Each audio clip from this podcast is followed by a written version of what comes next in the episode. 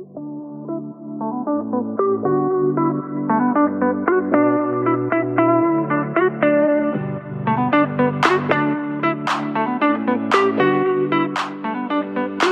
is eigenlijk een onderwerp waar niet zoveel over wordt gepraat.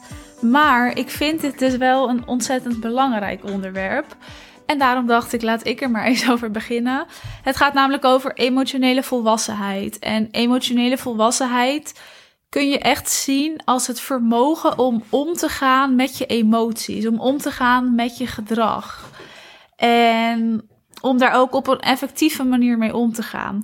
Dus om niet nou helemaal gek te worden, helemaal te flippen of te verdrinken in je emoties, heel erg verdrietig te worden of hè, ontzettend blij dat je eigenlijk alles maar doet of overal maar ja op gaat zeggen, maar om jezelf ja, eigenlijk in balans te houden. En dat is wat emotionele volwassenheid is.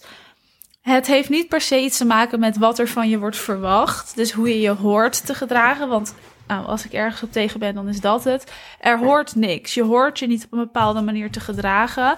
Maar in je bedrijf is het wel heel helpend als je je op bepaalde manieren kan gedragen. Als er iets voorvalt of als er iets gebeurt. Zodat jij in balans blijft daarin en dat je geen gekke sprongen maakt. Ze zeggen ook altijd: een kat in het nauw maakt gekke sprongen. Nou, dat is ook echt zo. Natuurlijk hebben daar heel veel dingen invloed op. Als je uit emotie een mail terug gaat sturen naar bijvoorbeeld een ontevreden klant, dan wordt die mail nooit zo rustig en goed en sterk dan als je daar even een dag overheen laat gaan. Hetzelfde geldt als jij in een mooie groeifase zit en er komen heel veel kansen op je pad. Dan kan je de neiging hebben om heel snel ja overal tegen te zeggen, omdat je in die ja, hoge energie bent. Hè? Je bent blij, je bent tevreden. En achteraf kan je dan denken: oei, misschien was het handig als ik even dat niet had gedaan of op de rem had getrapt. Emotionele volwassenheid is voor jezelf belangrijk, maar ik vind het ook heel belangrijk voor jouw klanten. En ik vind het heel belangrijk voor mijn eigen klanten. Want een proces in het ondernemerschap en helemaal het proces waar ik mijn klanten bij help, dat is een groeiproces. En een groeiproces doet altijd pijn. Gaat altijd gepaard met tegenslagen en met hele mooie momenten. Het is altijd een win en een verlies. Er komen altijd dingen bij kijken die niet zo fijn zijn en dingen die heel fijn zijn. En dat is gewoon een rollercoaster, ook emotioneel. Dus in je bedrijf wordt het een rollercoaster. Je zal keuzes moeten maken. Maar emotioneel gezien doet dat ook wat met je. En daar komt die, dus die emotionele volwassenheid om de hoek kijken.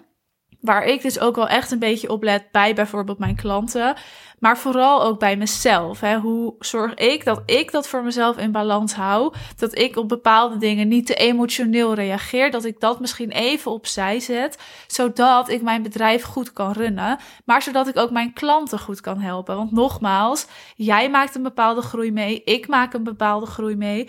En ik help mijn klanten daar ook bij. Dus ik maak in mijn eigen bedrijf die groei mee, waar ook gewoon groeipijn bij komt kijken, waar ook minder leuke momenten bij komen kijken, waar ook misschien dingen bij komen kijken die niet zijn gelukt en die dus mislukken, waar ik heel veel uit kan halen, maar wat emotioneel wel veel met mij kan doen.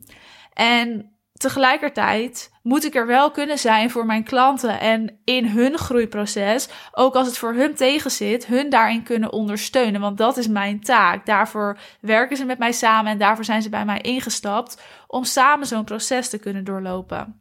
Nou, die emotionele volwassenheid heeft met meerdere dingen te maken. En ik wou hem eens een keer in deze aflevering gewoon betrekken op mijzelf en op mijn eigen leven.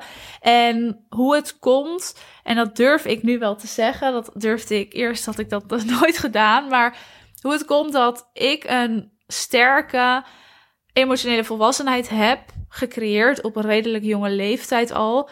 En dat die basis ook gewoon goed staat. En dat ik weet dat ik heel veel kan dragen. Natuurlijk zit daar ook altijd een grens aan. Natuurlijk zijn er dan ook momenten dat ik een stap terug moet nemen. Maar ik weet wanneer die momenten er zijn. Dus ik ken mezelf daarin heel goed. Maar die emotionele volwassenheid is ook gewoon heel erg in balans. Waardoor ik ook van mijn emotie af kan stappen, soms als dat nodig is. En kan denken: oké, dit is de situatie. Ik voel me er zo bij. Maar dat gevoel, dus die emotie, die moet ik even loslaten om ja, te kunnen relativeren. Om eerlijke en realistische keuzes te kunnen maken voor mezelf en voor mijn klanten. Nou, ik ga je eens even uitleggen waarom die bij mij zo goed is opgebouwd. Ten eerste kom ik uit een gezin met twee, ja, twee broertjes, twee zusjes. Dus vijf kinderen, geen twee kinderen. En ik ben daar de oudste van. We zijn allemaal niet per se heel dicht op elkaar geboren. Maar als oudste neem je al snel natuurlijk een verantwoordelijkheid op je. En dat gebeurde helemaal toen een van mijn broertjes werd geboren, te vroeg werd geboren. En die is lichamelijk gehandicapt. Geestelijk helemaal in orde, uh, maar lichamelijk kan die eigenlijk niks. Dus hij zit in een rolstoel. Daar komt ontzettend veel bij kijken. En ik ben het helemaal gewend. Ik ben zo opgegroeid natuurlijk. Het is mijn broertje gewoon, dus ik zie hem ook niet anders. Maar ja, er komt wel wat bij kijken. Hè. De aandacht moet naar hem. Er moet echt veel voor hem gezorgd worden, want hij kan niks. Ook vanuit ons, dus vanuit de broertjes en zusjes. Als hij wat te drinken wil, als hij wat te eten wil, als er wat is, of die ergens heen wil. Er wat anders op tv moet, als hij iets wil vasthouden. Nou, alles wat hij wil, dat moet voor hem worden gedaan. En ja, dan, dan groei je gewoon best wel even wat sneller op. En je slaat even wat stapjes over. Het is gewoon iets minder zorgeloos. Het is totaal niet erg, dus laten we dat even voorop stellen. Het is niet iets wat ik als een last heb gezien, helemaal niet zelfs. Het is iets wat wij gewoon gewend waren. Als wij ergens heen gaan, dan weten we dat we iets langer de tijd nodig hebben, omdat hij mee moet hè, in een rolstoel, moet in de auto worden gezet. Op locaties of op bepaalde plekken is het soms wat lastiger om te komen. Dat zijn allemaal dingen die wij niet meer zien. Dat is voor ons normaal. Maar als klein meisje is dat wel iets waar je dus ook rekening mee gaat houden.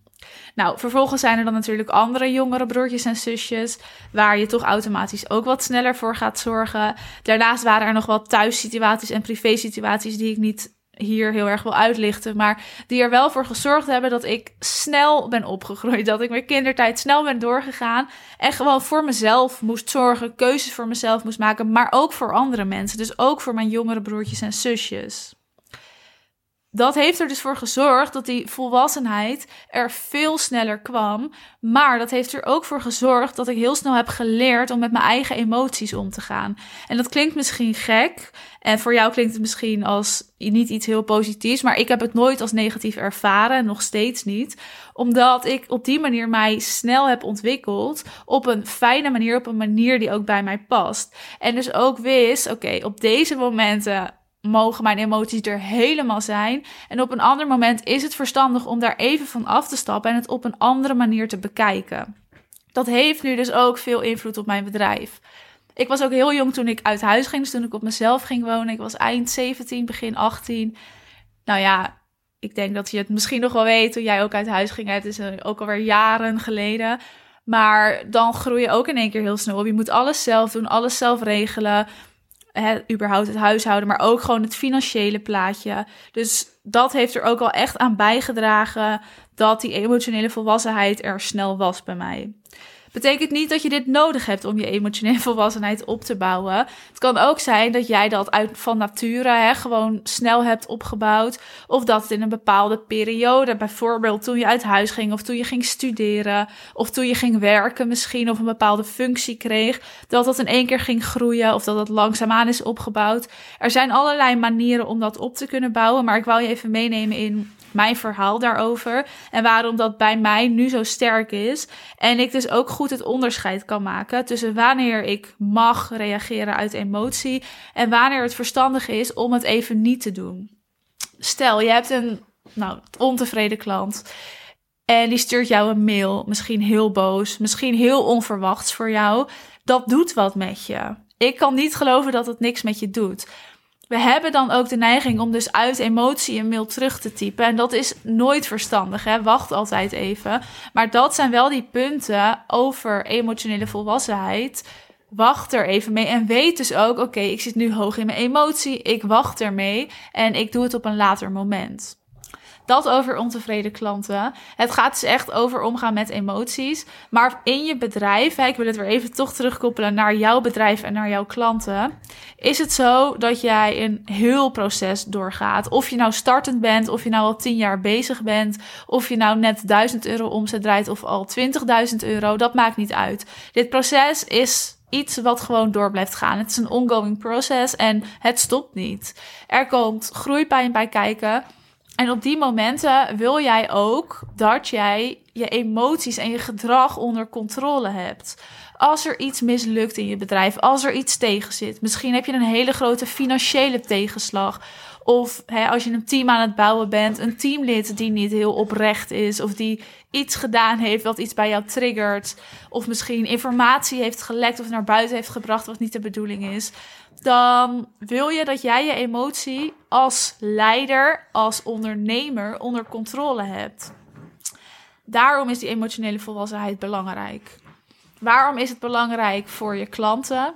Stel jij bent coach, dan is het ten eerste belangrijk dat jij de emoties van een ander niet gaat betrekken op jezelf. Dus een klant kan bij jou iets triggeren als iemand iets zegt, of als iemand iets doet, of als iemand heel erg lang ergens in blijft hangen. En jij wil daar niet aan gehecht zijn. Dus je wilt je daar eigenlijk van onthechten, zodat jij die persoon op de beste manier kan helpen. En dat heeft ook echt te maken met dat emotionele volwassenheid. Je kan dan namelijk veel makkelijker het even loslaten en reflecteren met die persoon, zonder dat jij het je persoonlijk aantrekt. En dat geldt dus ook als een klant bijvoorbeeld iets heeft wat jij ook hebt gehad. Of wat heel herkenbaar voor je is. Of dat jij ook in zo'n situatie hebt gezeten. Vaak trekken we ook een beetje klanten aan die hetzelfde zijn. Of door hetzelfde proces heen gaan als waar jij al doorheen bent gegaan. En dan kunnen dingen gewoon gaan triggeren, omdat het gewoon herkenbaar is. En dat roept emotie op, is heel normaal. Maar op dat moment ben jij er voor je klant. Wil je het niet betrekken op jezelf? Wil je daarvan onthecht zijn? En wil je dus dat je emotioneel volwassen genoeg bent om dat ook in te kunnen zien en om er naar te handelen? want het inzien is één, vervolgens wil je er naar handelen. Die emotionele volwassenheid, daar kun je echt enorm in groeien. En het is natuurlijk niet zo dat als jij misschien nu denkt, oeh, ik reageer heel vaak vanuit emotie, misschien moet ik dat wat minderen, dat je dat niet meer kan veranderen. Er is heel veel aan te doen.